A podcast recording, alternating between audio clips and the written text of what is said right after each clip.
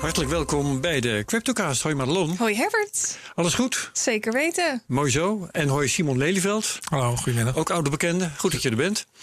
Uh, we gaan het hebben over nou, van alles en nog wat. Maar onder andere over de uh, rechtszaak uh, die Bitcoin heeft... Bitcoin, die BitTonic heeft aangespannen. en over van alles en nog wat wat te maken heeft met regelgeving en privacy. Het is allemaal met elkaar verweven. Um, en misschien nog wel meer ook, maar dat merken we dan straks ja. wel. Um, we doen geen beleggingsadvies. We zijn zichtbaar op YouTube. Welkom YouTube. En natuurlijk ook hoorbaar op alle podcastkanalen die je maar kunt bedenken. Mm -hmm. uh, hier hebben we het al vaker gehad over de hardnekkige misverstanden die crypto omgeven. En over de regulering die bedoeld is. Nou, daar gaan we het vandaag natuurlijk ook weer over hebben. Om uh, onder andere beleggen in crypto betrouwbaar te maken en te houden. Nou, Amdax is vorig jaar als eerste cryptobedrijf geregistreerd door de Nederlandse Bank. Ze hebben in onze uitzending al vaker verteld dat dit serieuze beleggers eerder over de streep haalt om die cryptomarkt een kans te geven. Ja. Van snelle handel tot verzekerde opslag en actief vermogensbeheer. Digital Asset Management, dat is hoe ze dat noemen bij Amdax. Uh, we gaan een quote kraken. Dat is ook leuk. Ja. En uh, ik weet niet of jij je nog herinnert, Madelon, dat we een tijdje geleden um, iets in het nieuws hadden over de Rabobank. Uh, mm -hmm. Er was een publicatie van de Rabobank opgedoken dat ze zeiden: ja, Bitcoin dat is helemaal geen beleggingscategorie. Daar was wat heibel over. Bitcoin Magazine bracht dat. Um, Biflatie bracht dat. Dat is allemaal begin januari. En toen bleek dat het ging om een heel oud stuk van Rabobank. Ja. Dat ze dus ook, dat stond per ongeluk nog online. Bij Rabobank wisten ze dat al lang niet meer. Ja, per ongeluk. Ze hebben het online geplaatst en daarna was het ineens weg. Nou, ze hebben het in 2018 online geplaatst. Precies. Ja. ja. En, en in januari 2021 was het ineens weg. Ja. Omdat het was opgeduikeld. Waarom begin ik daarover? Omdat nu uh, om precies te zijn op. Um... En Rabobank die zei in de tussentijd trouwens dat ze van mening waren veranderd. Hè? Ja, Althans, precies, het niet precies. meer. Rabobank was van mening. Uh, het, het, gaf niet meer juist weer hoe ze erover dachten. Precies. En hoe ze er dan wel over dachten, dat was wat minder helder. Ja. Want dat moesten ze blijkbaar nog formuleren. Maar nu, op 18 januari 2021, is er een stuk verschenen op de site van ING. Mm -hmm door Bob Homan, hoofd ING Investment Office. En daar staat boven, let op, je gelooft het niet, Bitcoin Rally. De tulpenmanie van de 21ste eeuw? Vraagteken. En uh, daar, uh, daar schrijft hij bijvoorbeeld uh, dat mensen vragen... jullie bij de banken hebben een hekel aan bitcoin toch? En dan antwoordt hij, schrijft hij hier, dat we geen hekel aan bitcoin hebben. Um, maar intussen schrijft hij wel, we adviseren ook niet op welk nummer of kleur je in het casino moet inzetten. Met andere woorden, bitcoin is schokken. Ja. Um, tulpenmanie wordt in het stuk in de tekst inderdaad ook genoemd. Uh, natuurlijk snap ik de associatie met beleggen wel. Je treft de koers van en verhalen over bitcoins vaak op dezelfde pagina's aan als beleggingsinformatie. Maar um, zij zien uh, cryptomunten hij schrijft, zo schrijft hij dat hier. We adviseren over beleggen en we zien cryptomunten, net als het casino of een auto, niet als een belegging. Hm. Dus het is in wezen hetzelfde verhaal als uh, van de Rabobank. Plus tulpenmanie, plus gokken. Ja, want ze vergelijken, de boel, is... vergelijken de boel dus wel met een tulpenmanie. Ja. Uh, misschien moeten we dat gewoon... Maar ze hebben er geen hekel aan hoor. Ze hebben, nee, ze, geen ze hebben geen Precies, net als dat ze het casino ook, ook prima vinden... en dat ze auto's ook prima vinden. Ja. Uh, maar daarmee, uh, daarmee zit je wel een beetje op een verkeerd spoor. Want op het moment dat je het gaat, gaat bitcoin gaat vergelijken met een tulpenmanie... Nou, dat is precies wat ik bedoel. Dat, dat is toch vreemd? Dat, dat is iemand die bij ING werkt, die zou toch beter moeten weten? Lijkt mij. misschien alleen al beter weten. Maar ik vind het ook raar om aan de ene kant te zeggen... we hebben geen hekel aan bitcoin. En aan de andere kant te zeggen... Het is, uh, maar het is wel gokken en het is uh, net zoiets als het tulpenmanie. Ja. Maar zegt hij iets over uh, de correlatie van de asset met andere asset classes? Want je zou toch verwachten dat iemand in zo'n plek... vooral heeft over... Uh, kijk, je kunt je geld in verschillende spullen stoppen. De vraag is, is het gecorreleerd, ja of nee?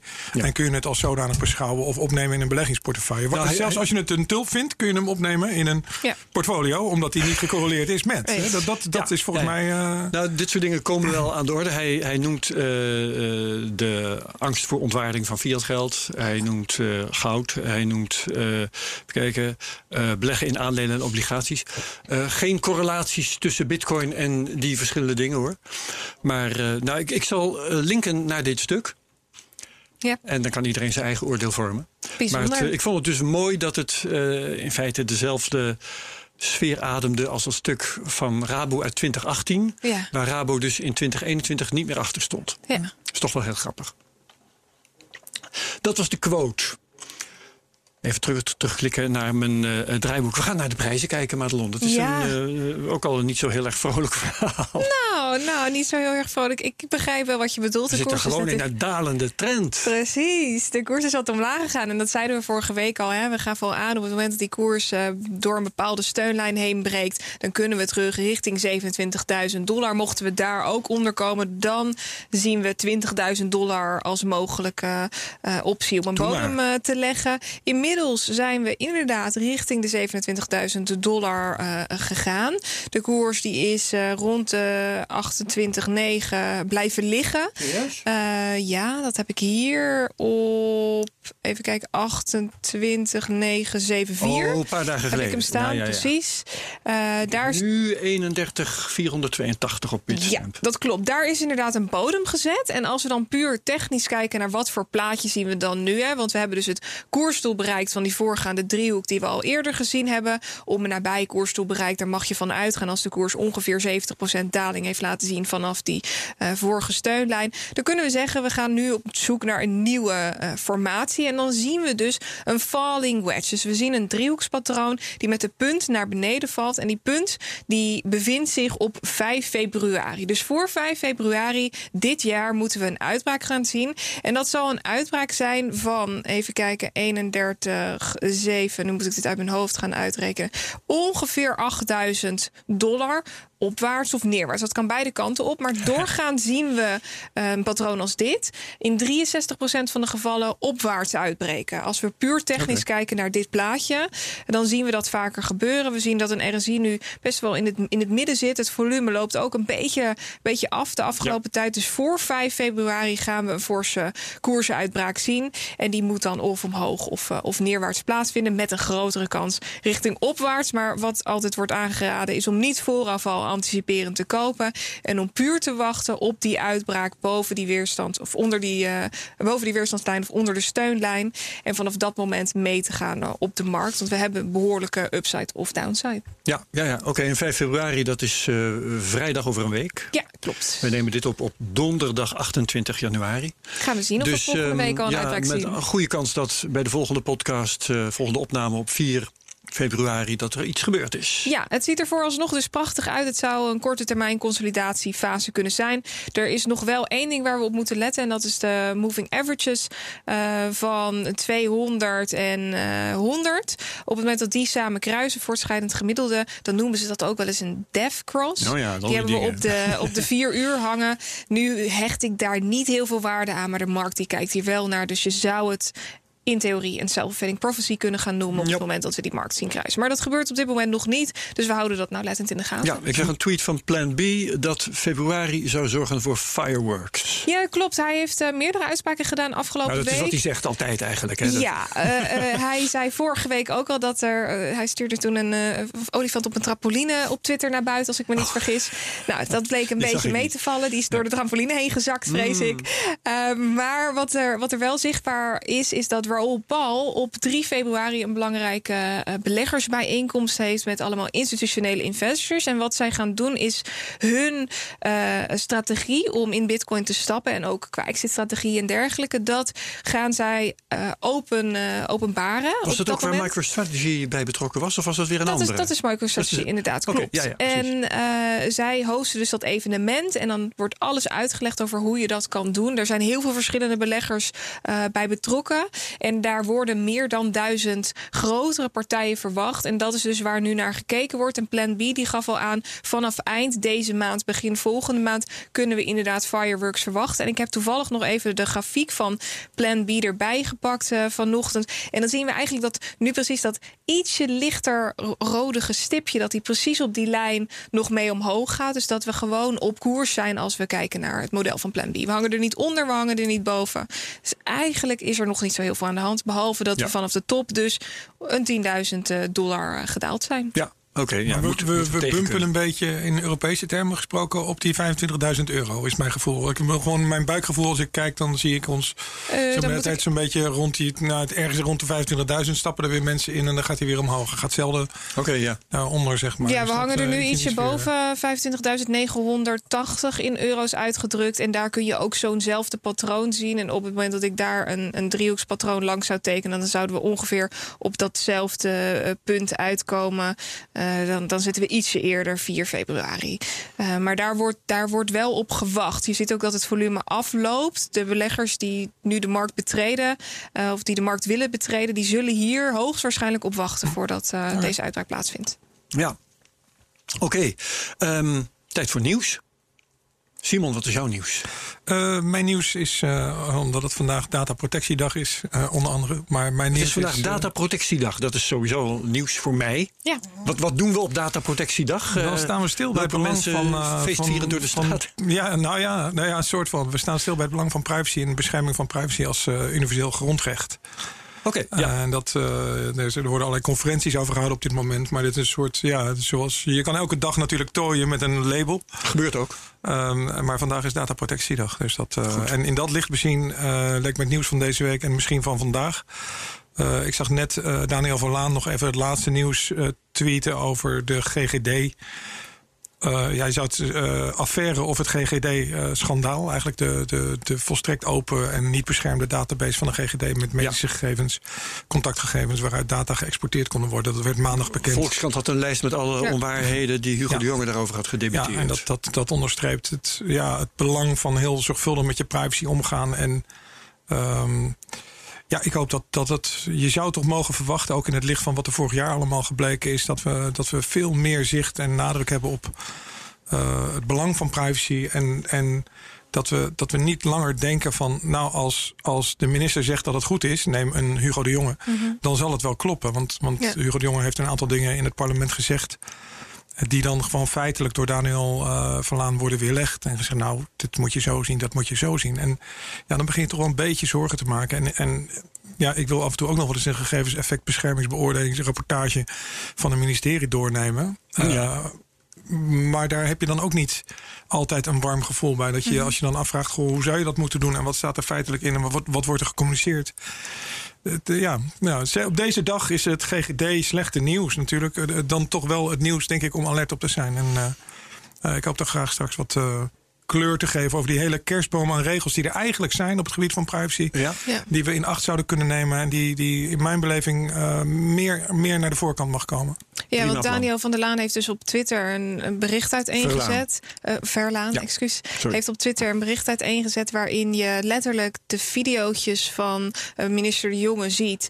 eh, waarin hij een bepaalde quote zegt. En hij weerlegt al die quotes één voor één voor één. Ik denk dat er, er een viertal geweest zijn. Is dat dan ook kwalijk op het moment dat een, eh, een politicus, een minister in deze eh, uitspraken doet die eigenlijk niet kloppen? Terwijl je als eh, volks, volksvertegenwoordiger, als je een, volk als achterban hebt, dan moet je als volk kunnen eh, eh, erop op, van- op aan van kunnen dat zoiets wat hij zegt, dat dat klopt. En als hij het ene naar het andere nieuwtje ontkracht op Twitter, of de melding ontkracht op Twitter, hoe, hoe moet je daar dan naar kijken als, als burger zijnde? Ja, ehm, ik, ik vind het moeilijk om te beantwoorden, want ik ben natuurlijk niet een burger. Ik ben gewoon te veel ingevoerd in het onderwerp om, om op, op die manier te kunnen kijken. Ja. Zeg maar. dus, dus ik luister, denk ik, meer met zijn oren van hé, hey, maar dat klopt om die reden niet. Ja, Ehm, ja, dus dat is een beetje eh, wat, eh, ja, wat voor mij dan de vraag is die, die zich voordoet van is het zo... eh, Kijk, als je zegt ja, het is veilig, want ik heb aan iemand gevraagd of die op papier gevraagd of die de gegevens veilig wil houden. Als je dat niet combineert met een technische maatregel waarin iemand niet bij de gegevens kan, Ja. dan kun je niet zeggen, ja, maar het is veilig, want ik heb iemand gevraagd om papier te ondertekenen. Ja. Mijn fiets is ook veilig, want ik heb er namelijk een briefje opgehangen dat die niet meegenomen mag worden. ja. Ja, daarmee kan die dus gewoon, als ik hem niet op slot doe, gewoon meegenomen worden. Ja. Nou, dat, dat soort inconsistenties, ik denk dat de gewone burger die luistert naar het verhaal, wel kan ontdekken van dit klinkt niet helemaal logisch, maar misschien niet zo in detail als uh, Daniel van Laan kan, kan uitvogelen van ja, maar dit, sorry, dit is strijdig. Ja. Of dit... ja, maar hele simpele dingen als bijvoorbeeld het benoemen van er zijn uh, geen mensen die, die toegang hebben tot data waar ze niet bij zouden kunnen mogen. Dat is wat hij stelt. Terwijl meneer Van der Laan van, van Verlaan. Verlaan, zo vind ik moeilijk als dyslect. Excuus. Meneer Verlaan juist zegt... Uh, dit, er zijn meer dan 20.000 mensen die bij gegevens kunnen... wat eigenlijk helemaal niet de bedoeling is. Ja, nou je raakt eigenlijk aan, aan hele fundamentele vragen die, die terugkomen natuurlijk in die uh, rapportage van de commissie van Dam over de kindertoeslagaffaire. Waarin eigenlijk staat van de informatievoorziening aan de Tweede Kamer is niet mm -hmm. altijd optimaal of niet altijd juist, of misschien zeggen ze wat omgekeerde. He, dus is er, of, of, he, er zitten gebreken in die informatievoorziening. Ja. Als je daar dan nog verder op doorpakt, dan kun je een advies van de Raad van State zien over ministeriële verantwoordelijkheid van eerder vorig jaar. Waarin eigenlijk ook heel zorgelijke opmerkingen uh, genoteerd zijn van de strekking. Het kennisniveau op ministeries uh, is aan het teruglopen. En dat heeft impact op de ja. uh, invulling van de informatieplicht. Ja, eigenlijk van ja, te, te weinig kennis. Dus dan komt er geen inhoudelijk correct antwoord meer. Uh, en dat maakt, als je het afgelopen jaar terugkijkt naar, naar wat, er, uh, wat er speelt. En wat er dan nu in zo'n, in zo'n situatie aan de orde is.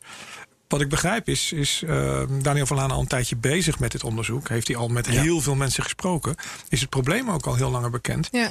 Um, maar is er nog helemaal niks aan gedaan. Dus dan begint zich toch weer zo'n echo van die kindertoeslagenaffaire voor te doen. Waarin, ja. waarin er een hele grote branddeken over een incident gegooid moet worden. Mm -hmm. Om maar niet de publicitaire vuur te laten ontstaan. Ja. Maar ja, die rookkolom die eruit komt, dat is, die is nogal groot. Dus ja, dus, ja en dat is waar, waar, waar ik uh, al een tijd bezorgd naar kijk. Dat de overheid zich in dit soort dingen uh, vaak gedraagt als een organisatie met belangen. En die dan zijn belangen gaat zitten verdedigen. In plaats van de organisatie die, ge, die geacht wordt om voor ons gezamenlijke Precies. belang op te komen ja. en, en dat goed te regelen.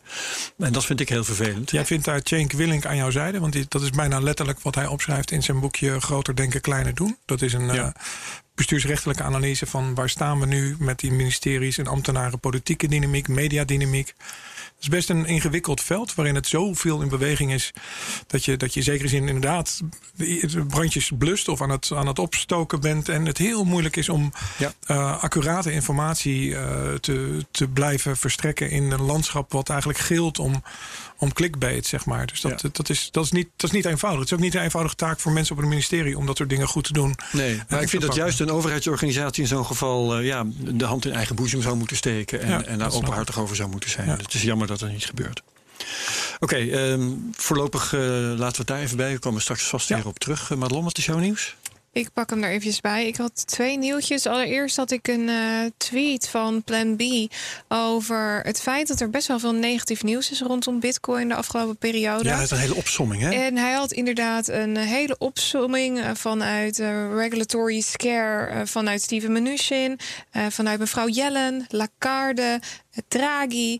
Uh, er was ineens weer gedoe rondom fake Toshi natuurlijk. Ja, uh, Mount Gox. Precies, Mount Gox. We hadden de Ledger hack. We hadden FUD right. rondom Tether. Uh, een aantal nieuwe scams en spam attacks ook in de e-mail. En er was een software bug werd gesteld in Bitcoin. Ja. waar ook veel gedoe rondom was. En ik heb daarbij aangevuld dat we ook nog niet moeten vergeten dat Guggenheim ineens van in, in december december 2020 gaven zij nog aan dat Bitcoin 400.000 dollar waard zou moeten zijn. En inmiddels in januari, nog geen drie weken later, zijn ze veranderd en zeggen ze dat uh, hier de CIO uh, dat Bitcoin een major warning uh, heeft afgegeven voor de Bitcoin hodlers. Hmm. En dat Bitcoin fors omlaag zou moeten gaan. Maar wat is het? want, want hij eindigt dan die tweet met sommige mensen zeggen dat het misschien wel erg toevallig is allemaal. Ja. just saying. Maar wat zegt hij dan eigenlijk volgens jou? Dat klopt inderdaad. Hij heeft het idee dat hier meerdere mensen achter de knoppen zitten om alsnog wat angst de markt in te werpen. Uh -huh. En om daardoor de bitcoiner, bitcoins goedkoper ja, op te kunnen. Zou, zou Waarom dat... zou Guggenheim, die een hele strategie uitplant op het moment dat zij bitcoin gaan kopen, op het moment dat zij een, een planning maken, dan doen ze dat ja. voor jaren. Doen ze niet voor één als, jaar. Als, als één organisatie dat doet, dat, dat zou ik snappen. Hè? We omlaag praten en dan goedkoop kopen. Maar um, dat hoeft toch niet tussen organisaties gecoördineerd te zijn? Of denk jij van wel?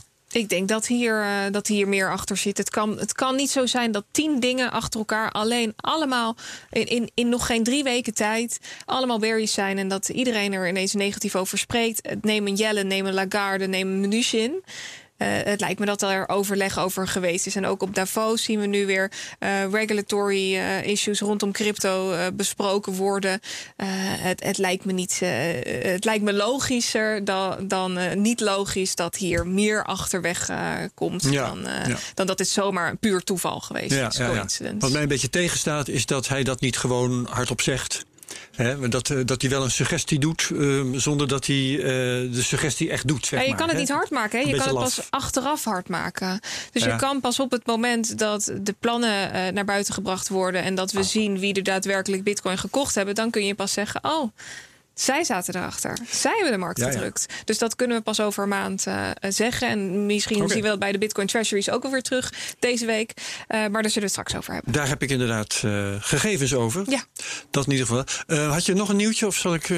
ja, ik had nog een nieuwtje. Ja. dat ging over Bitstamp. Want er werd veel geklaagd afgelopen week door de Bitcoin, Bitcoiners die handelden op Bitstamp. Ze moesten namelijk door nog meer hoepels heen springen ten aanzien van het opnemen van hun funds. En dat vind ik best wel een ding, want dat komt door de nieuwe oh, regelgeving in Nederland. Ja, ja, ja de KYC, daar waren ze niet blij mee. En dat betekent dus uh, dat... Ja, KCC?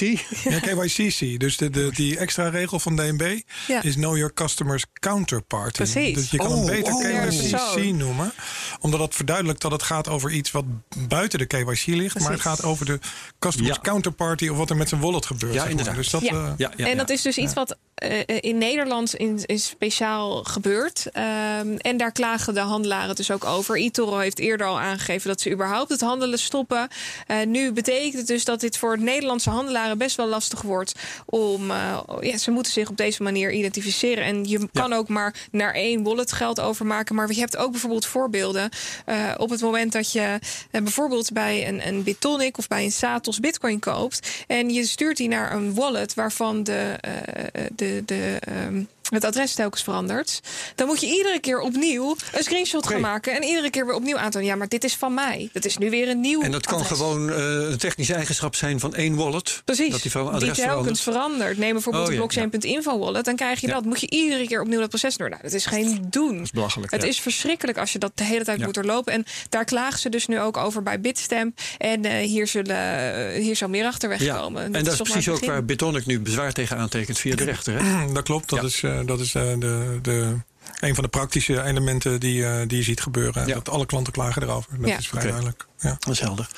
Goed. Um, mijn nieuwtje, dat we, ja, dat ook gespot, Madelon, had ik gezien op je Twitter. Um, dat is dat uh, Marathon, dat is een bitcoin miner, dat die uh, zich gevoegd heeft bij het grote leger bedrijven dat gewoon geld steekt in bitcoin. Ja. Uh, en dan moet ik eventjes kijken of ik snel genoeg de uh, treasuries tevoorschijn kan krijgen. Uh, ben ik even kwijt in welk... Ja, oh, ja, want je denkt dan gelijk, hé, hey, dat is goed als een miner ook nog in bitcoin gaat investeren. Ja, eerst even de cijfers. Ja. Ze hebben 4813 bitcoins gekocht. Ja. En wat is het verhaal? Ze hebben een uh, fikse investering uh, gedaan, of gekregen, moet ik zeggen. Uh, dat loopt in, ik geloof, in de 400 miljoen dollar, of die orde van grootte. En een deel daarvan hebben ze nu in bitcoin gestoken. En het interessante was, dan denk je, oké, okay, leuk, hè, bedrijven steken geld in bitcoin, er is er eentje. Maar Mark van der Scheijs had daar meteen kritiek op. Die mm -hmm. zei, een miner doet zoiets niet. Nee. Want een miner hoeft zijn geld te gebruiken om te minen. Een nieuwe en als een miner het, uh, ja, precies. Als een miner het voordelig begint te vinden om bitcoins te kopen, dan is hij blijkbaar geen goede miner. Dat, ja. dat is kort samengevat het verhaal. Um, en ik denk dat dat, dat is uh, uh, door de bank genomen, denk ik dat dat waar is.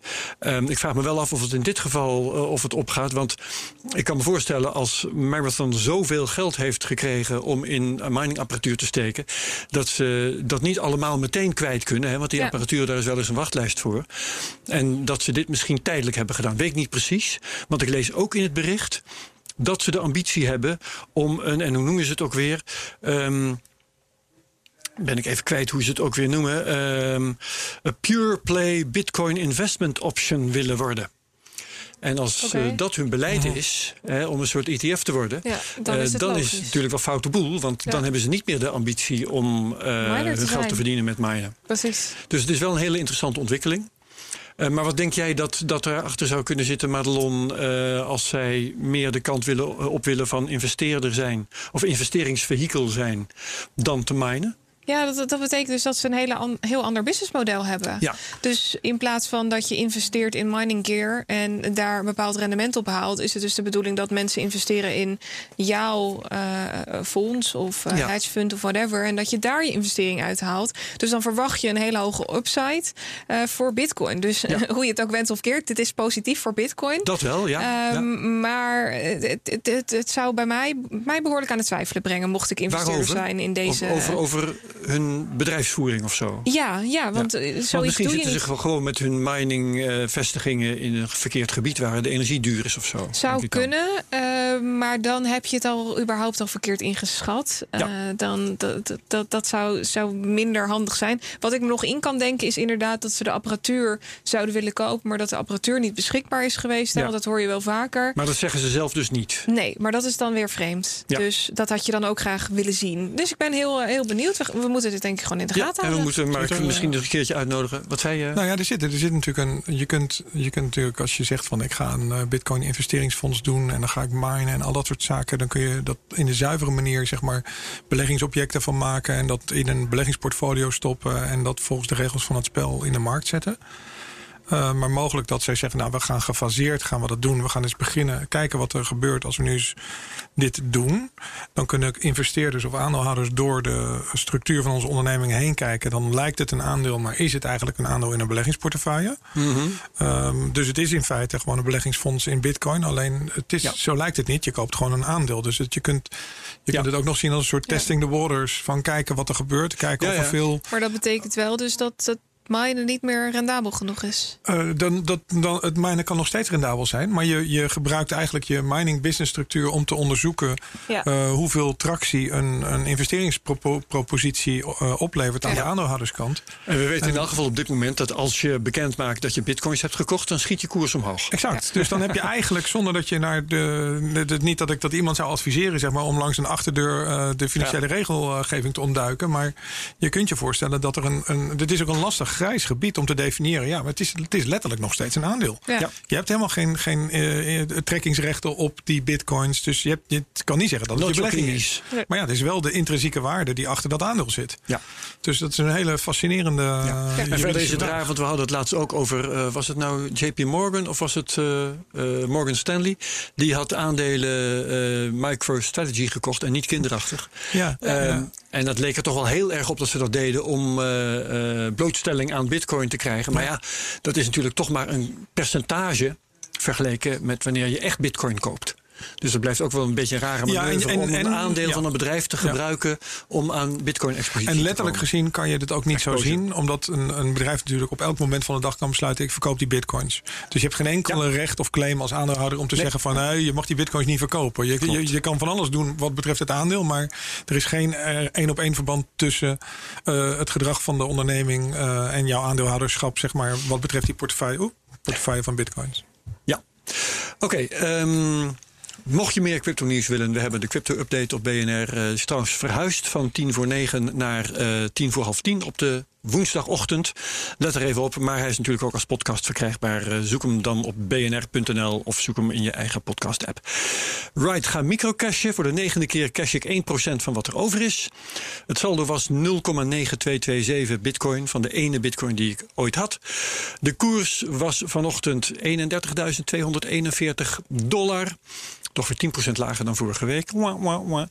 Eh, de dollarwaarde die ik had was 28.827. Ik cash dus ach, eh, sorry, 288 dollar.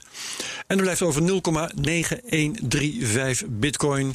Mijn geldstapel is 2412 dollar groot. Dat is intussen alweer 48% van de 5000 dollar die ik ooit ingestoken had. Bijna de helft. En dat na 9 keer 1% cash. Ja. De link naar eh, het hele spreadsheet staat in de show notes. Eh, dan hebben we dus de treasuries. Is inderdaad heel aardig. Eh, Marathon staat daar nu bij met zijn 4800 bitcoins. Ja. Ehm, Ook wel grappig, MicroStrategy krijgt er geen genoeg van. Die hebben nog eens een keertje 314 bitcoins gekocht. Dus dat is uh, net uh, 10 miljoen of zo uh, vergeleken met, wat is het, meer dan een miljard die ze intussen hebben. Maar er waren nog drie andere grote, ik ga ze niet allemaal noemen hoor, maar ehm, drie grote partijen die nieuw zijn met 6000, 7500, 5000 bitcoins. is er allemaal bijgekomen. Opvallend, het CI Galaxy Bitcoin Fund gaat 12.444 bitcoins naar beneden. Die hebben dus groot bitcoin verkocht komen uit op 3306. Dus die houden maar een fractie van de bitcoins die ze hadden. Ja. Zelfs daarmee uh, zijn er al met al 11.500 bitcoins bijgekomen in dat hele uh, potje. En al, al, met al hebben die bitcoin treasuries nu 5,85% van alle bitcoins. Was vorige week 5,79%. Ja. Dus dat blijft groeien. We gaan met Simon praten. Laten we dat gaan doen. Trap jij af? Ja, laten we dat doen. Leuk. Ik heb er zin in, uh, Herbert. Want uh, er is namelijk weer heel belangrijk uh, nieuws naar buiten gekomen afgelopen week. En ik denk dat het goed is als we even beginnen bij het duiden van dit nieuws. En dat was het nieuwtje van Bitonic die aangegeven heeft een rechtszaak aan te willen spannen. Kunnen wij daar starten, Simon? Ja, en ik denk dat het ook goed is voor de luisteraars om te weten dat ik verbonden ben als compliance adviseur bij Bitonic. Mm -hmm. Dus ik. Je bent partij. Ben, nou ja, partij. En uh, ja, ik zou, ik zou zeggen partij tegen wil en dank. Want, want je ja. kunt je ook voorstellen... Um, we hadden het net een beetje over dat mediageweld. En, en, en het is... Um, het is natuurlijk niet je eerste gedachte om te zeggen... goh, dat, dat lijkt me nou zo'n goed idee... om mm -hmm. de toezichthouder voor de rechtbank te brengen. Dat, ja. dat is nee, maar je maakt geen vrienden mee. Nee. Hm? Je maakt daar geen vrienden mee. Niet nee, maar het is, het, is, ja, het is natuurlijk gewoon het laatste wat je, uh, wat je wil, zeg ja. maar. Het is dus... Um, uh, en... Um, wat ik wil doen is een, een toelichting geven eigenlijk op de tekst op, te, uh, op de website van Betonic. Want dat, dat, is een tekst waar we heel zorgvuldig aandacht aan hebben besteed. Het persbericht staat daar, hè? Uh, ja, om, we zullen om, linken. Ja, omdat dat uh, ja, zo'n beetje weergeeft wat, wat de situatie is. Ik hoop dat uit die tekst duidelijk naar voren komt. Uh, natuurlijk is, is al tijdens die discussie, tijdens de registratie, kwam aan de orde hoe zit het met de, de, wat wij dan noemen de KYC-eis, dus de extra eis, de, de Know Your Customers Counterparty eis. Ja. Um, de, de wallet verificatiemaatregel, zo noemen we dat in het uh, nieuwsbericht. Um, en dat is onderwerp van, van ja, dispuut of gesprek. Het is maar hoe je het wil noemen. En um, uh, ja, de, de, de pijn die die eis doet, is met name uh, ook gelegen in de privacy kant, uh, los van de praktische kant. Dat is een praktische reden, je hebt het meegemaakt. Als je, voor, je, gaat niet hergebruik van adressen doen in een Bitcoin-wereld. Dat is gewoon niet, niet handig. Nee.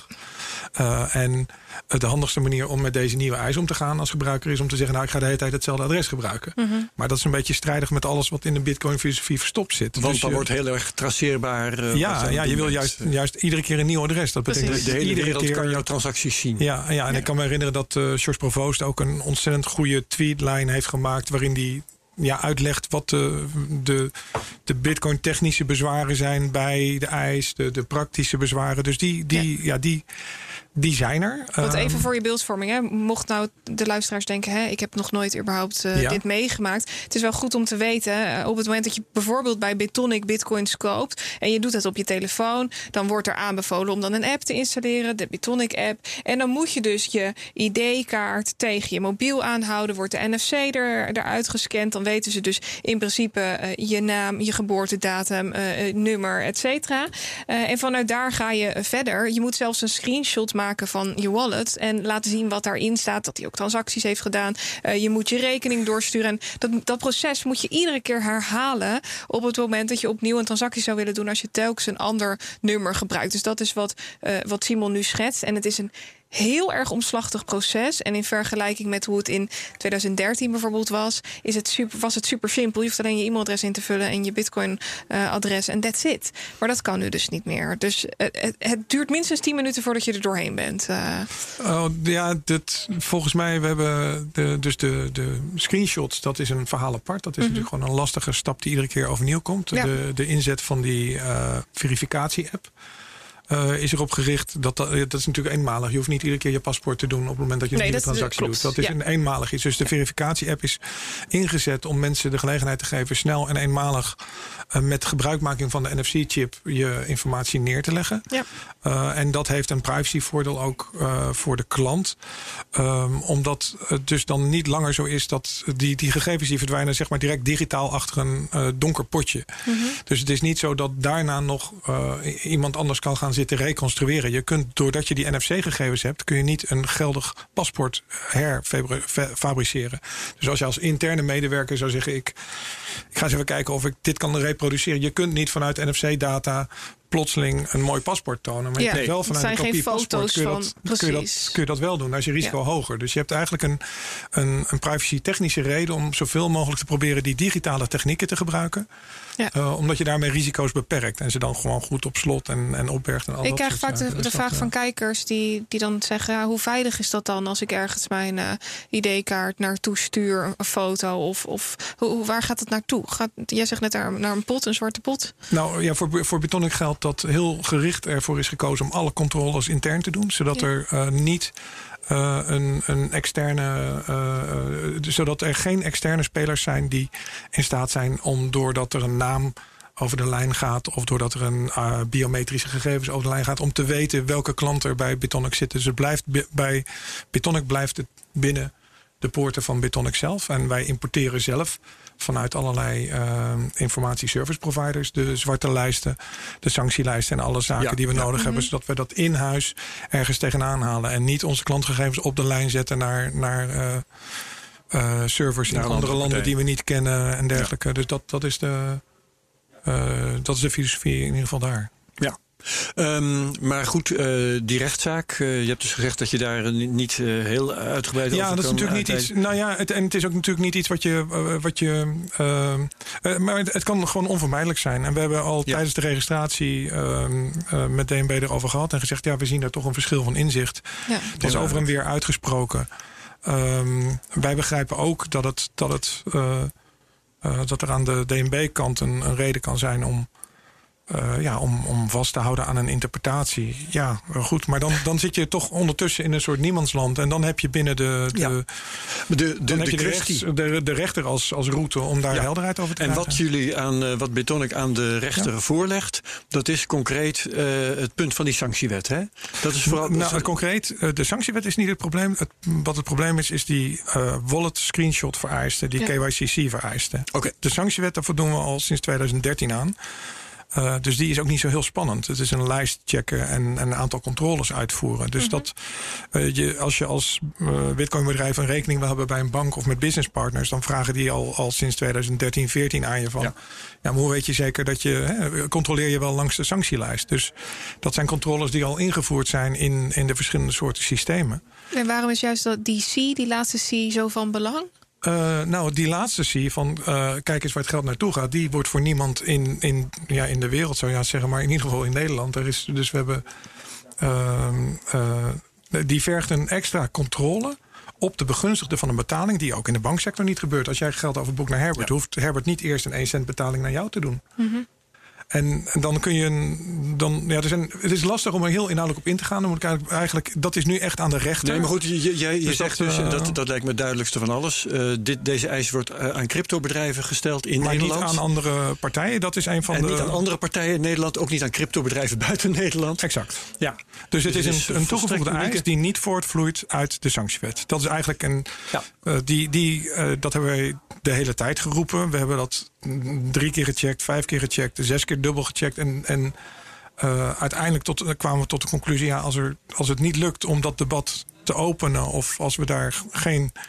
Uh, we hebben nadrukkelijk nog gevraagd: kan die niet ingetrokken worden? Het lijkt ons zinvol om hem in te trekken. Want het punt is namelijk, in onze beleving, als die KYCC-vereiste er niet is, op grond van de wet, want wij kunnen het niet vinden, dan is er dus ook onder de privacywet geen titel om die verwerking te voeren. Dus je gaat Ja, zolang privacy- het moet, terwijl er geen juridische titel is in jouw beleving, overtreed je dus de privacyregel. Ik wil zeggen, want de privacywet zegt nou net dat je niet meer data moet gaan Exact. verzamelen dan je echt nodig hebt. Ja. En als het niet echt nodig is, dan moet je het dus niet doen. Nou ja, eh, en los van nodig, dan, dan in de wet voorgeschreven staat. Als die wettelijke opdracht er niet is, dan valt de bodem eronder. En dan heb je nog een tweede secundaire lijn in de privacyregelgeving en mensenrechtverdragen. Die luidt als het disproportioneel is, valt trouwens de bodem er ook uit.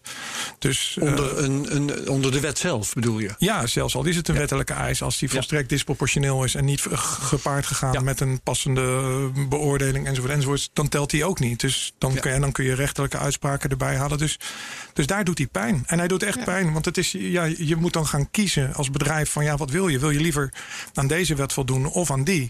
En in die klem worden we eigenlijk geforceerd. En dat is een hele vervelende. En we proberen dat zo snel mogelijk op te heffen. Ja, wat, wat ik eigenlijk niet begrijp. Uh, we zien dus nu dat er 15 registraties uit mijn hoofd zijn die al bij DNB geregistreerd zijn. Betonnen kies er dus nu voor om uh, een rechtszaak te starten op basis van die laatste C, zoals je net uitgelegd hebt. Maar wat is dan de reden dat zij alsnog deze rechtszaak aanspannen terwijl ze al registratie hebben? De, nou, de reden is dat je, eh, je je wilt niet een keuze moeten maken tussen welke wet je wil overtreden. Want je bent een wet aan het overtreden. En als je in de wedstrijd zit om niet wetten te overtreden. Je wil namelijk gewoon compliant zijn voor alle relevante regelgeving. Dan is het niet. Ja, dan, dan word je geforceerd om te zeggen: ja, ik. ik uh... Beton, ik kan geen zaken meer doen zonder een wet te overtreden. Ze mogen zelf kiezen welke. Daar maar dan zouden die andere veertien partijen daar toch ook tegenaan lopen? Die lopen daar natuurlijk ja, alleen ook tegenaan. Die hebben, nou ja, goed, dat, dat, dat is dan weer een juridisch, uh, juridisch verhaal uh, hoe ingewikkeld het bestuursrecht in elkaar zit. Ja. Maar je kunt ervan uitgaan dat, dat, uh, dat er natuurlijk met warme belangstelling en ondersteuning vanuit die sector gekeken wordt naar, naar wat hier gebeurt. Maar mm -hmm. ja, dat, ik ken de juridische ehm, de juridische details die zijn uh, net een brug te ver voor mij. Mm -hmm. uh, simpel geformuleerd zou je kunnen zeggen: dan ga je toch met z'n vijftien, dan ga je toch die rechtszaak aanspannen. Ja, dat, een soort van, dat zou je vraag kunnen zijn. Ja. Ik heb mij laten uitleggen door de advocaat. zo werkt dat niet. En dat is eigenlijk omdat, ehm, als ik het goed begrijp, dat de uh, elke individuele situatie. Je moet per individueel bedrijf de individuele gang van zaken beoordelen, bekijken. En, en daar heb je allemaal formele juridische momenten in.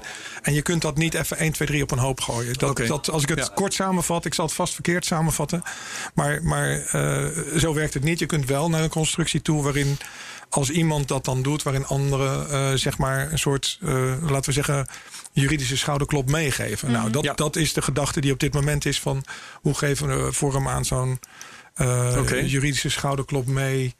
Een, een, een, dat heet dan een brief amicus curiae. Nou, er, is een, er is een juridische vorm, daar wordt nu aan gewerkt. Okay. Waarin mensen gewoon een support kunnen uitspreken. En kunnen zeggen: dit is, deze is ja. eigenlijk ook deze uitspraakrechter die je gaat doen, is ook voor ons van belang. Wat ik heel interessant vind om even erbij te halen. Dat is iets waar jij zelf ook over hebt getwitterd. Dat is een uh, recente uitspraak van de, als ik het goed zeg, de European Data Protection Board. Mm -hmm. Een soort uh, privacy-autoriteit op Europees niveau, mag ik het zo zeggen. die heeft een uitspraak gedaan, maar leg jij het maar even uit over de mogelijke strijdigheid tussen privacy en KYC-regels? Ja, uh, die uitspraak is in december gedaan. 18 december hebben ze dat uh, gepubliceerd. Um, en ja, in Eerst even die, wat is het voor organisatie? Okay, ja, het is, je moet je voorstellen, in Nederland hebben we de autoriteit persoonsgegevens. Ja. Het is de bevoegde partij om te oordelen over uh, persoonsgegevensbehandeling ja. en dat soort zaken. Die werkt samen met allerlei Europese collega's. En dat samenwerkingsverband van Europese collega's is de EP European Data Protection Board. E EDPB. EDPB, precies. ja, oké. Okay.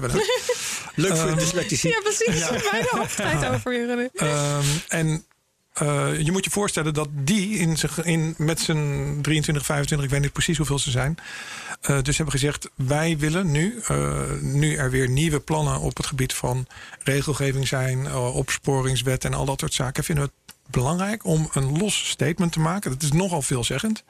Waarin zeggen: het kan niet zo zijn dat je regelgeving maakt die in strijd is met de mensenrechten. Ja. Verdragen met het Europese handvest en het Europese verdrag voor de rechten van de mens. Dat gaat nog iets verder dan zeggen: de regelgeving is strijdig met de AVG. Precies.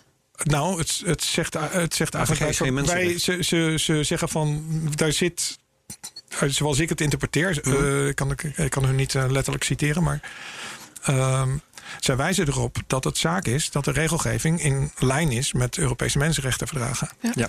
En dat zij uh, beschikbaar zijn voor het overleg bij de discussies over regelgeving. Ja. Als het over dat onderwerp gaat. En maar spreken ze als oordeel uit dat de anti-witwasregelgeving in strijd is met Het mensenrecht van privacy of iets dergelijks? Gaan ze zo Nou, ver? dat, dat oordeel dat kun je terugvinden in een proefschrift van Caroline Keizer uit 2018.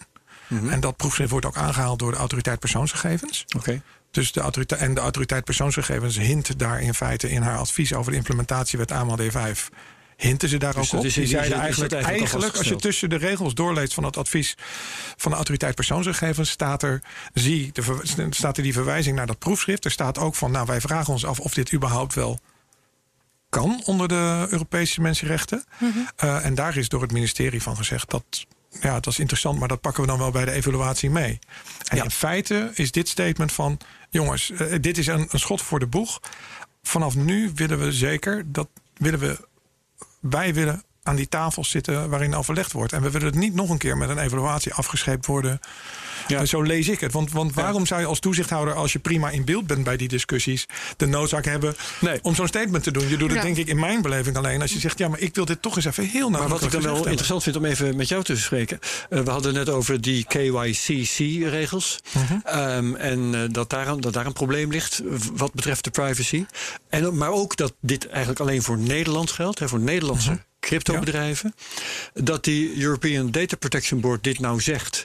Betekent dat dat die strijdigheid er breder is. Ja, Niet ja alleen dat betekent eigenlijk, het betekent eigenlijk dat, dat als je in generieke zin de AML D5 neemt, eh, daar, kun je, daar kun je van een, die, een flink aantal onderdelen vrij goed hard maken als ik dat proefschrift eh, lees. Ja. Dat dat in strijd is met het Europese Verdrag van de Rechten Ja, van de Mens. Ja, maar dat zij dit nu uitspreken, ja, dat is eh, een, een, een bekendmaking geweest. Dat betekent niet het begin van een of andere procedure of zo.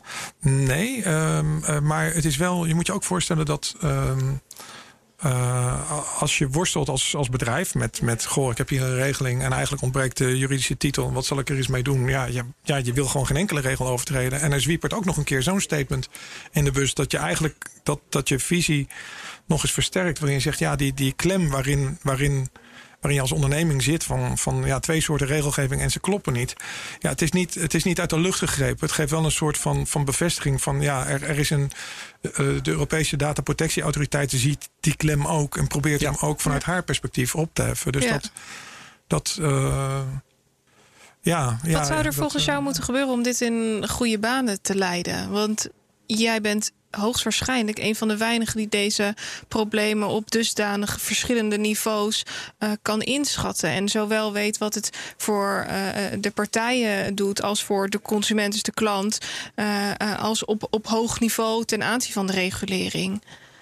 Ehm, ja, misschien is het goed om, om dat dan toch, eh, toch terug te brengen naar de, de, de kleine positie. Ja. Ehm, althans, ja, nee, laat ik het anders formuleren. Ik heb, eh, jullie weten, want wat heb ik eerder gezegd? Ik heb natuurlijk eh, op 21 mei of op 22 mei heb ik de Europese Commissie op persoonlijke titel een brief gestuurd van, goh, Ja. volgens Ja. mij is het in strijd met. eh? Waarna je netjes bent afgescheept, volgens mij. Waarna ik Heel in netjes. tussenfase werd afgeschreven, nog een poging heb gedaan om te zeggen: Maar kunnen jullie nog even heel goed kijken? En ik heb net gisteren, dat is heel toevallig, het bericht gekregen: Nee hoor, je bent echt definitief in het laadje terechtgekomen. Dus, dus op persoonlijke titel zeg ik: Ja, je kunt, je kunt, je kunt persoonlijk aan de bel trekken. Nou, Ja. dat heeft in mijn geval niet gewerkt. Nee. Dus dat, dat is wat ik kan toelichten. Ik kan allerlei bespiegelingen doen over wat, hoe je dit zou kunnen oplossen. Maar als ik het terugbreng naar mijn huidige rol. ehm, eh, ik denk dat de uitdaging bestaat om zo goed mogelijk in gesprek te blijven. Zo open mogelijk met je toezichthouder te praten over het probleem wat je ervaart. Te proberen die dialoog op gang te brengen. Maar het, je kan ook gewoon zakelijk constateren soms dat je er niet uitkomt. En dan is het ook verder, ja, dan is het. Ehm, dan is de, de rechterlijke toetsing ja, daar toch echt de koninklijke route. En dat is eigenlijk Ja. de route die dan, eh, die dan voor ligt, hoezeer je het anders ook zou willen. En dat is een, in onze democratie ook een heel valide route. Ja. Het is de rechter die op een gegeven moment zei dat Syrisch-systeem. Daar klopt geen snars van. Dat is in strijd met de eh, proportionaliteit. Niet eens met het. Dus het proportionaliteitsdeel van de discussie Ja. was daar eh, het relevante gedeelte. Nou, ehm, eh, dus ik denk eigenlijk dat het in het belang van heel veel partijen, eh, zowel de klanten eh, als andere bedrijven, als ook de toezichthouder is, dat daar een, een rechter. Toezichthouder, het is in je eigen belang dat we dit nu... Nee, nee, ja, nee, maar je moet je ook voorstellen, het is, het is allemaal geen. ehm, het, is, het is best uh, het is materie om goed naar te kijken. Ja. de vraag is, is interpretatie A correct of is interpretatie B correct? Kun je elkaar daarin vinden? En als dat Ja. niet zo is, naar wie ga je toe om het te overleggen? Nou is het dus wel zo dat dit... eh, ja, het, eh, NRC noemde het een kort geding. Het is iets anders. Hè? Bo- bo- eh, nee, hoe... eh, Een voorlopige voorziening. Voorlopige voorziening heet het. Ja. Eh, die de rechter zou moeten treffen. Ehm, maar wat jullie aan de orde stellen, Bitonic, dat is dat ene puntje van die KYCC, van het moeten verifiëren van de begunstigen van een transactie elke keer weer. Ja. Betekent dus dat de rechter, als de rechter daar een uitspraak over doet, is het ook alleen over dit ene kleine puntje. Terwijl de hele rest, hè, waar de European Data Protection Board ook zo bezorgd over is, blijft dan nog gewoon liggen. Ja, maar de, de- de, de voorlopige voorziening, zoals ik het begrijp, want eh, dat is het deel waar ik ook niet voor doorgeleerd heb, eh, die ziet op het zeg maar wegnemen van het meest urgente prangende dingen. Het is een, het is, eh, je kunt Ja. niet een hele principiële discussie gaan voeren over hele diepe fundamenten. Maar als er iets is wat je echt pijn doet, dan is het geëigende pad die voorlopige voorzieningsroute. Dus het is niet.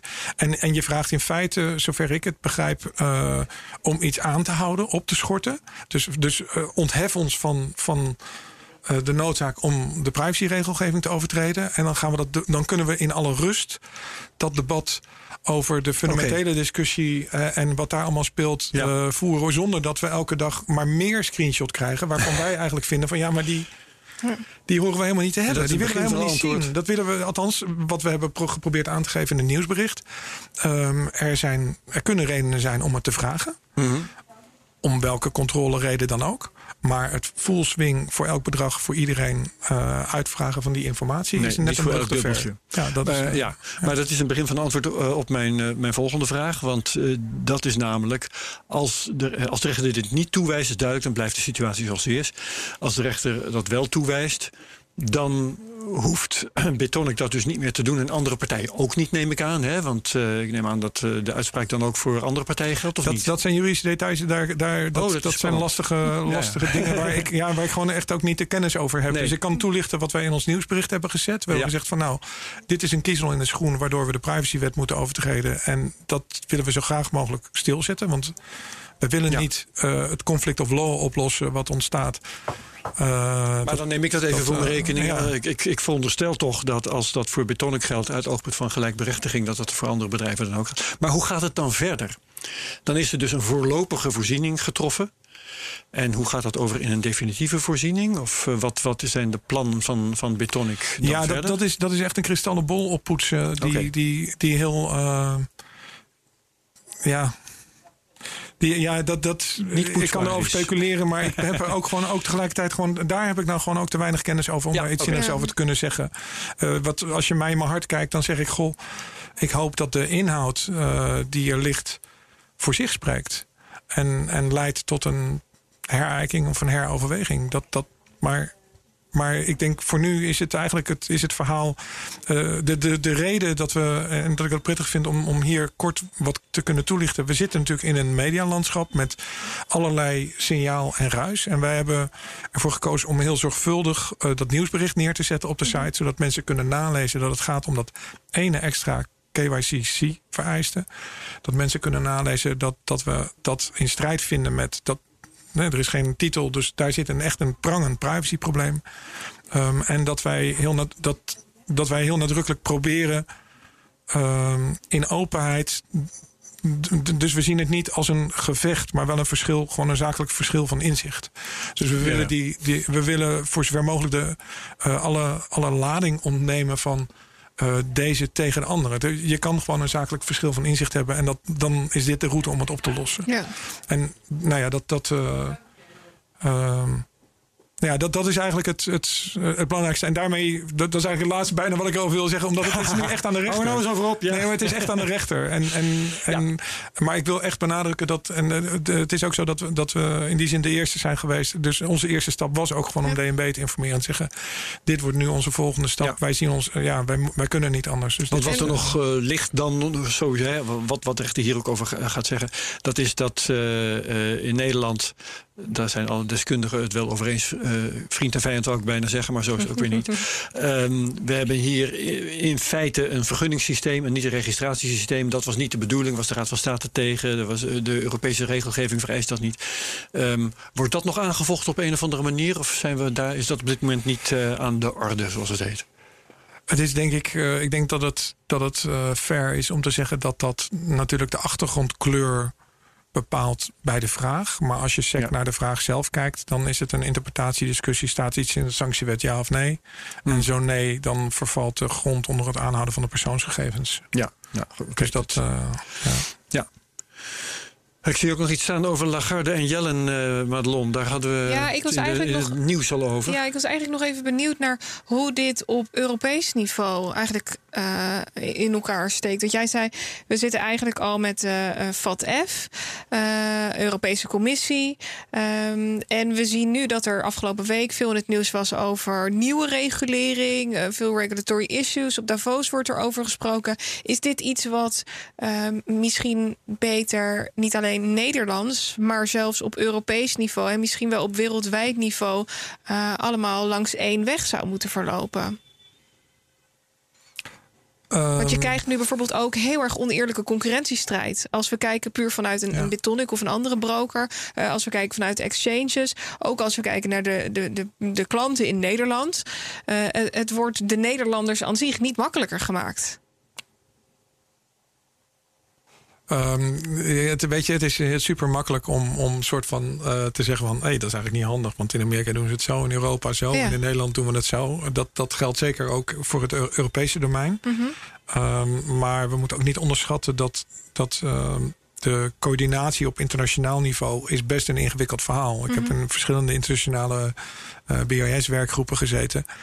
Uh, en dan, dan probeer je daar samen een rapport te maken. En dan komen al die kleurverschillen komen naar voren. Dan krijg je uh, dus dus het, het even alignen van dat soort dingen, dat, dat is eigenlijk, uh, ja, wellicht dat je een richting kan afspreken, ja. maar het echt eventjes afstemmen is een, denk ik, ambachtelijk gezien een, een, een grote brug. Dat is natuurlijk uh, wel wat je ziet gebeuren in het verband van die Financial Action Task Force. Mm -hmm. Maar ik denk dat de veel belangrijker alignment die nodig is, eigenlijk, die, uh, die is tussen de dataprotectieregels en de opsporingsregels. Dus je kunt zeggen, we moeten internationaal al die, die, uh, die opsporingsregels harmoniseren. Nou, dat denk ik niet. Ik denk dat je lokaal moet zorgen dat opsporingsregels en dataprotectie in evenwicht zijn. Dat is de opdracht ja. die eigenlijk zowel individuele bedrijven hebben. Een individueel bedrijf heeft gewoon een verplichting om ook aan de mensenrechten te voldoen. En een individuele overheid, ook onze Nederlandse overheid, heeft die verplichting op zich genomen om ja. te zorgen dat er geen regelgeving is die links A zegt en rechts B. Ja, en jij zegt als je uh, die, bijvoorbeeld die opsporingsregels internationaal harmoniseert, dan krijg je hoe dan ook op allerlei plekken strijdigheid tussen die opsporingsregels en de privacyregels. Nou, je zou niet alleen die opsporingsregels moeten, want dat is de oproep van de, e, van de uh, die, die EDPDB, in ieder geval de Europese ja. Dataprotectieautoriteit. die zegt eigenlijk, als wij nou verder een stap verder in Europa zetten, laten we aan de voorkant, voordat we de regels maken, nou dat synchroniseren. Ja. En het feit dat ze dat zeggen impliceert in zekere zin dat dat tot nog toe te weinig is gebeurd. Ja. Prima. Was er nog meer, Madelon? Uh, ik pak nog even het draaiboek erbij. Ik denk dat we er zo goed als doorheen zijn, Herbert. Yes. Mooi, oké. Okay. Uh, Simon, jij nog dingen die je aan ons kwijt moet? Nee, ik, ik had een hele, uh, een hele waslijst aan, aan dingen uh, meegenomen over Dataprotectiedag. Dus dat. En is dat te weinig aan de orde gekomen? Wat bedoel je precies? Um, nou ja, nee, het is voor mij de vraag of jullie daar nog de. nou, de, we, we hebben nog wel vijf minuutjes. Zeker weten. Oké, okay, nou, um, ja, misschien is het handigst om, om een deel van. ik heb een, een, een flink aantal. Dus wat, wat denk ik uh, nuttig is in deze discussie, en waar ik mensen heel graag op zou willen wijzen, ja. is de uh, hele grote kolom aan regels die. Uh, nou, als ik het heel kort samenvat, gaat het als volgt. Op de Tweede Wereldoorlog leidde tot de verklaring van de rechten van de mens. De liberalisering in 1990 leidde tot business principles over human rights. Omdat grote bedrijven in alle landen van de wereld aan de slag waren en mensen realiseerden: we moeten zorgen dat bedrijven en overheden zich houden aan de mensenrechten. Dus daar is een guiding principles voor overheden geschreven over Hoe ga je met mensenrechten om? En dan krijg je de digitaliseringsgolf. Die leidt op, op, op, op mensenrechtenniveau, dus in het verband van de Verenigde Naties, tot een document dat heet Privacy, the Right to Privacy in a Digital Age. En dat zijn eigenlijk internationaal geratificeerde samenwerkingsafspraken en harde afspraken over hoe je mensenrechten beschermt. En die zijn eigenlijk heel vitaal. En die vertalen zich ook door naar het Europese Verdrag voor de Rechten van de Mens. En de normen die door rechters worden gehanteerd bij de toetsing. En als je die. ehm, eh, en, in dat verband heeft dus Nederland dus ook op zich genomen. eh, gezegd, ja nee, maar wij, de manier waarop we dat oplossen in Nederland... is doordat we in ons Nationaal Actieplan Mensenrechten... hebben we neergezet dat bij alle regelgeving... maar ook bij de beleidsvorming, dus als bij het nadenken over regels... en bij de regels, zullen wij een integraal afwegingskader... voor de mensenrechten meenemen. Een prachtige website staat het ook perfect uitgelegd. Hoe je bij regelgeving en beleidsvorming eh, de grondrechten, privacy en grondrechten mee moet nemen. En Wat is de URL daarvan? Even voor tussendoor. Eh, ja, ik heb hem ergens in een mail aan je. Krijg die krijg je zeker van mij. Dus die zit in, in een mail die ik je die je gestuurd heb. Oké. Ja. Eh, dus er is een integraal afwegingskader en er is een checklist grond, grondrechten. En er is een opdracht aan de Nederlandse overheid om te zorgen dat regelgeving consistent is. Ehm, en de klem waarin, waarin je terecht kan komen als bedrijf is er een waarin jij op je bord krijgt het feit dat re- de regelgever links niet heeft gepraat met de regelgever rechts. Ja. En je wilt dat eigenlijk die met elkaar praten. En dat er, eh, als, je, als je kijkt naar de voorstellen.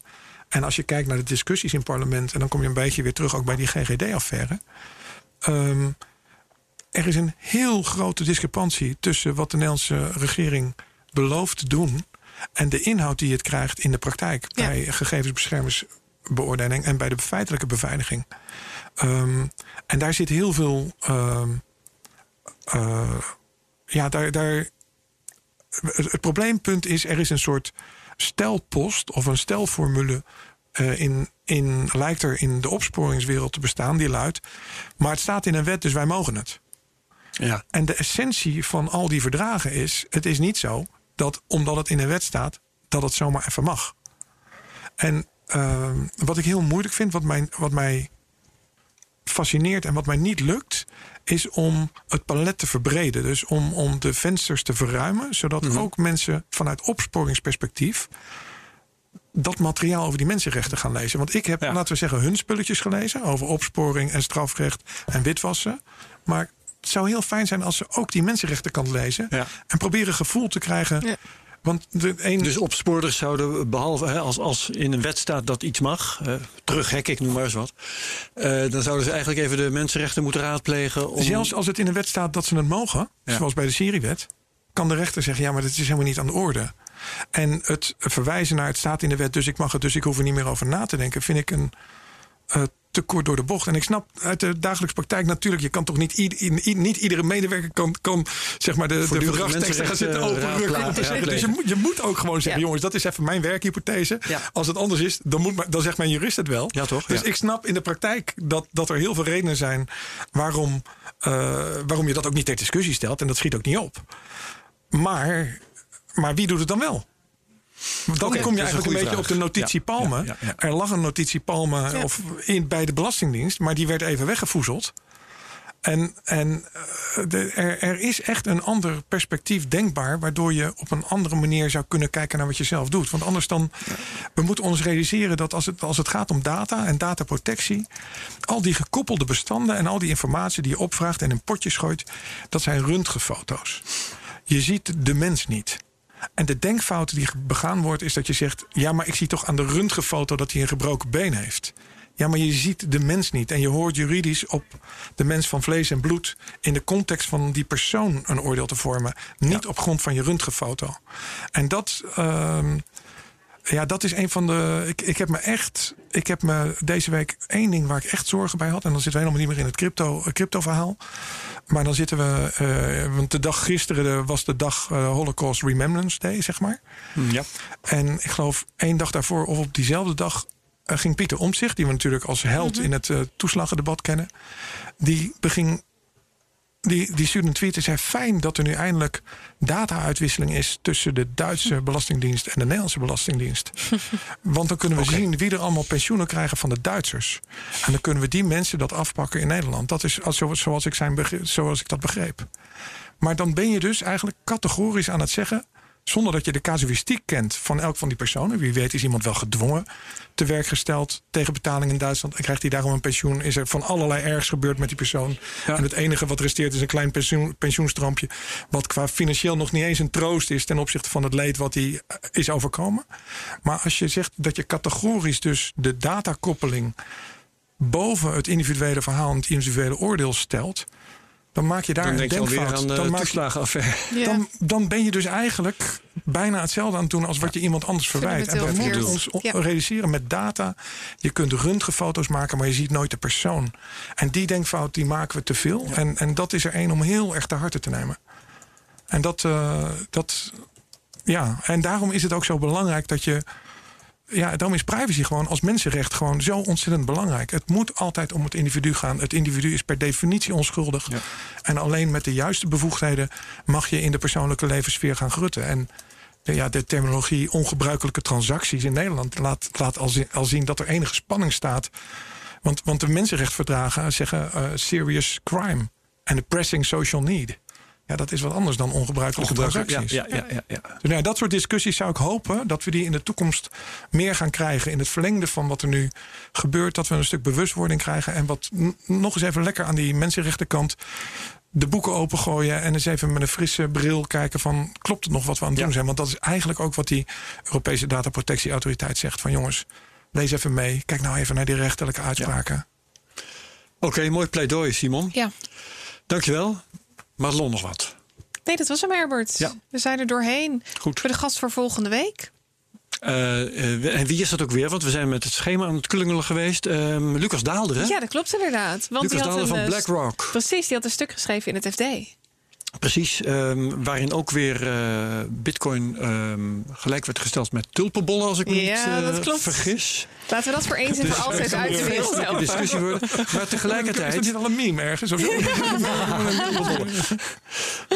het is 2017 all over again, hè, dus ja. wat dat betreft klopt het.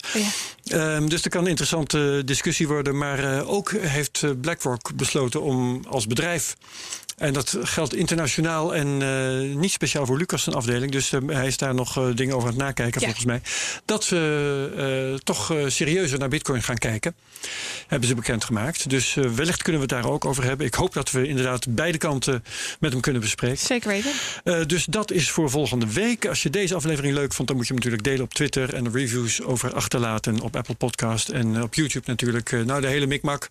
Ja, en nog een oproep aan de luisteraars. Mocht je nou een kraak de quote vinden. Dus ja, een precies. quote dat over crypto gaat. Waarvan je denkt, nou, dit klopt gewoon niet. Laat ons dat dan ook weten. Dat kun je dan ook even naar ons sturen. Uh, met de mention at CryptoCast op NL op Twitter. Ja, help ons aan misvattingen over crypto. Mooi zo. Yes. Um, ik dank Simon. Ik dank jou, Madelon. Ik dank jou, Herbert. Ja, dank je wel voor het bedank.